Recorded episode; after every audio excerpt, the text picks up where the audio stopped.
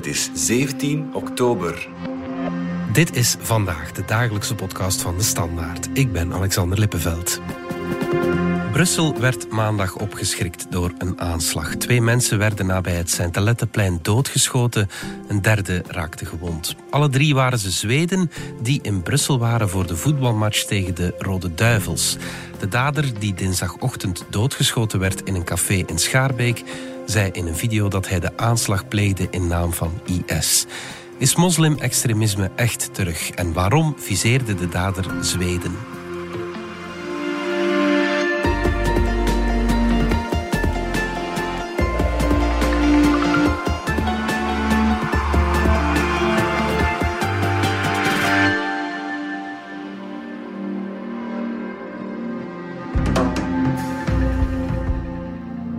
Vreselijke terroristische aanslagen die raken ons allemaal. Terrorisme dat is gericht tegen mensen overal. Daders die willen angst, wantrouwen en verdeeldheid zaaien in onze vrije samenleving. Terroristen moeten begrijpen dat ze nooit in een opzet zullen slagen. Ze zullen onze vrije samenleving nooit onderwerpen. Met hun haat en hun geweld tonen ze eigenlijk vooral hun machteloosheid. Terrorisme zal ons nooit kunnen verslaan. Nicolas van Ecken van onze binnenlandredactie. We hoorden net uh, premier De Croo met een duidelijke boodschap. Ons land werd maandagavond opgeschrikt door een terroristische aanslag in uh, Hartje Brussel. Vertel eens. Inderdaad, in centrum Brussel aan het Sint-Lettenplein, eigenlijk uh, op de Kleine Ringensstad, is een man rond kwart na zeven beginnen schieten. Hij uh, kwam daartoe op een scooter, had een uh, oorlogswapen bij zich, is dan beginnen schieten. Volgens de informatie die we hebben zijn daarbij twee Zweden omgekomen en een derde man is zwaar gewond geraakt. Mm-hmm. Zoals dat gaat bij zo'n aanslag ging het uiteraard heel snel, maar opvallend hierbij was dat beelden van voor, tijdens en na de aanslag uh, snel online raakten verspreid via sociale media, mm-hmm. waardoor ja, de, de feiten op zich wel snel duidelijk werden. Mm, ja, inderdaad. Uh, viseerde hij echt uh, de Zweden, weten we dat? Ja, daar wordt van uitgegaan, want vrij kort na de aanslagen heeft op uh, Facebook iemand een video geplaatst, waarschijnlijk de dader zelf, waarin hij de aanslag opeist in naam van de Islamitische Staat en zegt dat hij ook Zweden heeft gedood. -hmm. Nu, dat motief van de man dat heeft er mogelijk mee te maken dat in Zweden al enkele maanden commotie is rond Koranverbrandingen. -hmm. Dat heeft ook ja, tot diplomatieke moeilijkheden en zo geleid en lijkt nu ook ja, helaas door te sijpelen naar onze hoofdstad. Ja, dat laatste vertelde ook premier De Croo op een inderhaast bijeengeroepen persconferentie. We hebben gezien dat in de loop van de avond er een boodschap op de sociale netwerken werd geplaatst. En die werd opgenomen door een persoon die beweerde de dader te zijn. De man beweerde geïnspireerd te zijn door de Islamitische Staat. In dezelfde verklaring werd de Zweedse nationaliteit van de slachtoffers genoemd als het waarschijnlijk motief voor de aanslag. Nicolas, weten we of hij alleen handelde? Daar ziet het momenteel naar uit, maar dat moet allemaal nog worden uh, ja, bevestigd door verder onderzoek. Vanmorgen is de man dan neergeschoten bij een café in Schaarbeek. Het is nog onduidelijk wat zijn toestand is. Er waren pogingen om hem te reanimeren, maar hij zou nadien zijn overleden. Was dat dichtbij waar hij woont of waar de aanslag uh, plaatsvond, uh, waar hij, hij, uiteindelijk is gevat? Ja, het is wel op een eindje. Enfin, het is allemaal in het noorden van Brussel. Het is niet de zuidrand of zo van Brussel. Het, is wel, ja, het ligt een eindje van elkaar als Schaarbeek en de plaats delict. Uh, de man had ook wel een band met Schaarbeek. Hij zou daar hebben gewoond, maar was mogelijk intussen verhuisd. Opnieuw zijn allemaal zaken die verder ja, zullen moeten blijken, het parcours van de man. Mm-hmm. Nu, wat wel al geweten is, is dat hij al sinds 2016 in ons land zou zijn geweest. Mm-hmm. En hij had ook al uh, een bevel tot verlaten van het grondgebied gekregen. Dus dat wil zeggen dat hij eigenlijk geen verblijfsrecht had in ons land. We luisteren even naar wat uh, staatssecretaris uh, De Moor van Asiel en Migratie over de man vertelde op VRT. In oktober 2020 heeft hij een negatieve beslissing gekregen en kort nadien is hij van de radar verdwenen. Hij werd op 12 februari 21 ambtshalve geschrapt uit het Rijksregister door de gemeente. Hij heeft ook nooit in een opvangcentrum verbleven bij Ferasiel. Nicolas, als ik het uh, goed begrijp, de man had asiel aangevraagd en dat is uh, geweigerd. Precies, daar komt het neer. Hij heeft de Tunesische nationaliteit. Hij is mhm. eh, momenteel 45 jaar. We luisteren ook even naar onze minister van Justitie, Vincent van Quickenborne, die op eh, de persconferentie uitleg gaf bij het statuut en het profiel van de man. De verdachte is een uh, Tunezer van 45 jaar die asiel aanvroeg in ons land in november 2019. Dus in 2016 waarschijnlijk is hij aangekomen in België en in november 2019 heeft hij dan asiel aangevraagd. Dat is afgewezen. En dan, ja, als iemand geen asiel krijgt, moet hij of zij het grondgebied verlaten. Maar we weten allemaal dat het problematisch is, dat dat heel slecht loopt. Zeker met mensen met bijvoorbeeld Tunesische of Algerijnse nationaliteit, die verdwijnen in de illegaliteit. Ja, ja. En in dit geval uh, is de man ja, verder geradicaliseerd met als gevolg de feiten van gisteren. De persoon was gekend bij de politie voor verdachte handelingen, voor mensensmokkel, voor illegaal verblijf en voor veiligheid van de staat. In juli 2016 werd ons via een buitenlandse politiedienst onbevestigde informatie overgemaakt dat de man een geradicaliseerd profiel had en dat hij wilde vertrekken naar een conflictzone voor de jihad. Dat soort meldingen waren toen, zeker in die periode volle terreurcrisis, 2016, waren toen legio. Er waren tientallen meldingen per dag van die aard. Die informatie is toen onderzocht en er kon verder niks mee gedaan worden. Er waren signalen dus van die radicalisering en hij zou ook eh, vandaag uh, aan bod zijn gekomen op een vergadering tussen inlichtingendiensten en veiligheidsdiensten. Dat is van een, een pijnlijk toeval dat net de avond voordien hij die aanslag dan pleegt. En stond hij op de OCAT-lijst van terreurverdachten? Nee, dat blijkt nog niet het geval te zijn. De minister van eh, Binnenlandse Zaken, Annelies Verlinde, zei dat hij opgenomen was in de databank van de politie vanwege feiten van gemeenrecht. Kan je eens uitleggen uh, wat dat juist is? Ja, dat zou gaan om minder zware feiten dan terrorisme. Dat wil nog altijd zeggen dat lichte feiten zijn. In dit geval zou het gaan om mensensmokkel. En hij stond ook in die databank gesigned, eh, of liever opgenomen, omwille van illegaal verblijf. Dus het gegeven dat hij geen verblijfrecht had in ons land. Nogmaals, ja, dat zijn andere feiten dan terrorisme of radicalisering. Maar daardoor stond hij dus ook niet op die gemeenschappelijke gegevensbank van het OCAT en de andere inlichtingen en veiligheidsdiensten. Ja. Valt hier iemand iets te verwijten, Nicolas? Het feit dat we die man niet, ja, niet, niet kennen of niet genoeg monitorden? Of, of is dit iets wat we nooit kunnen vermijden? Ja, het is vroeg om daarover uitspraken te doen. Mij doet het wel denken aan uh, de aanslag op uh, een agent in november vorig jaar. Uh, politieman Monjoie, die in Schaarbik was neergestoken door een man die vlak voordien langs was geweest bij de politie. En ja, dan is er een discussie ontstaan over de vraag of hij moest worden opgenomen in de psychiatrie of niet. Mhm. Opnieuw nu blijkt ja, dat die man wel op een radar stond, dat er over dus vandaag een bijeenkomst ging zijn, maar dat heeft verhinderd dat er doden zijn gevallen. Voor we het hebben over de link tussen de aanslag en Zweden, keren we even terug naar eh, gisteravond en de match België-Zweden. Bart Laga van onze sportredactie, jij was daar.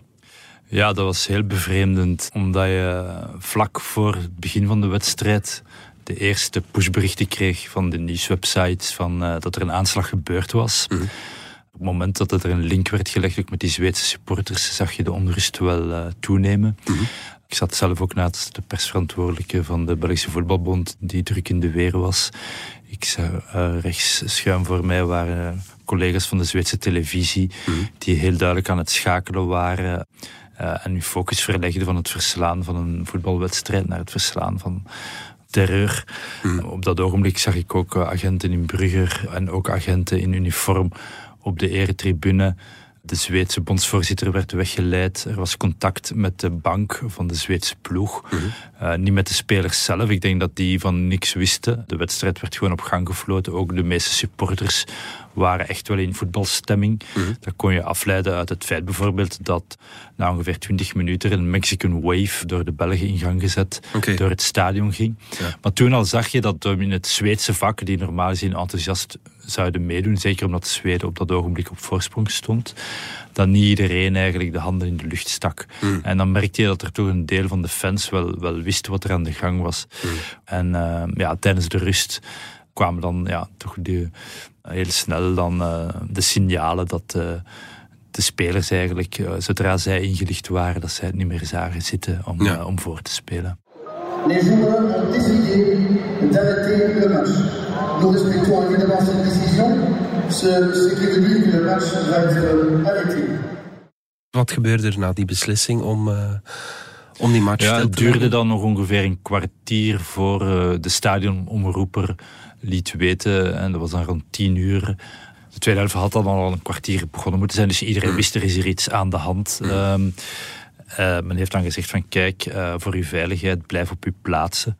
Gelieve alsjeblieft op uw plaatsen blijven tot de veiligheidsmensen die u graag staan te verlaten. Wij danken u alvast voor uw brief. Dank u wel. En daar zijn die supporters dan uh, twee uur gebleven. Bijna. Ja. En ik moet zeggen, ik was zwaar onder de indruk eigenlijk van de sereniteit bij het publiek, zowel Belgische als de Zweedse fans. Die waren eigenlijk duidelijk uh, niet op hun gemak, maar hebben zich ook zeer waardig en, en beheerst gedragen. Twee uur gewacht eigenlijk totdat dan meer duidelijkheid kwam over uh, dat zij politiebegeleiding zouden krijgen om het stadion te verlaten. Maar van paniek was geen sprake? Nee, daar heb ik toch weinig van gemerkt. Hmm. Wel, hier en daar wel geïsoleerde gevallen van uh, enkele individuele mensen wie het te veel werd. Gaandeweg eigenlijk zijn de mensen beginnen zichzelf moed in te zingen. Hmm. Er was ook veel wederzijds respect tussen het Belgische en het uh, Zweedse vak. Waarbij de Belgen dan Sweden, Sweden scandeerden. De Zweden dan terug Belgium scandeerden. Hmm. Applaus langs beide kanten voor elkaar.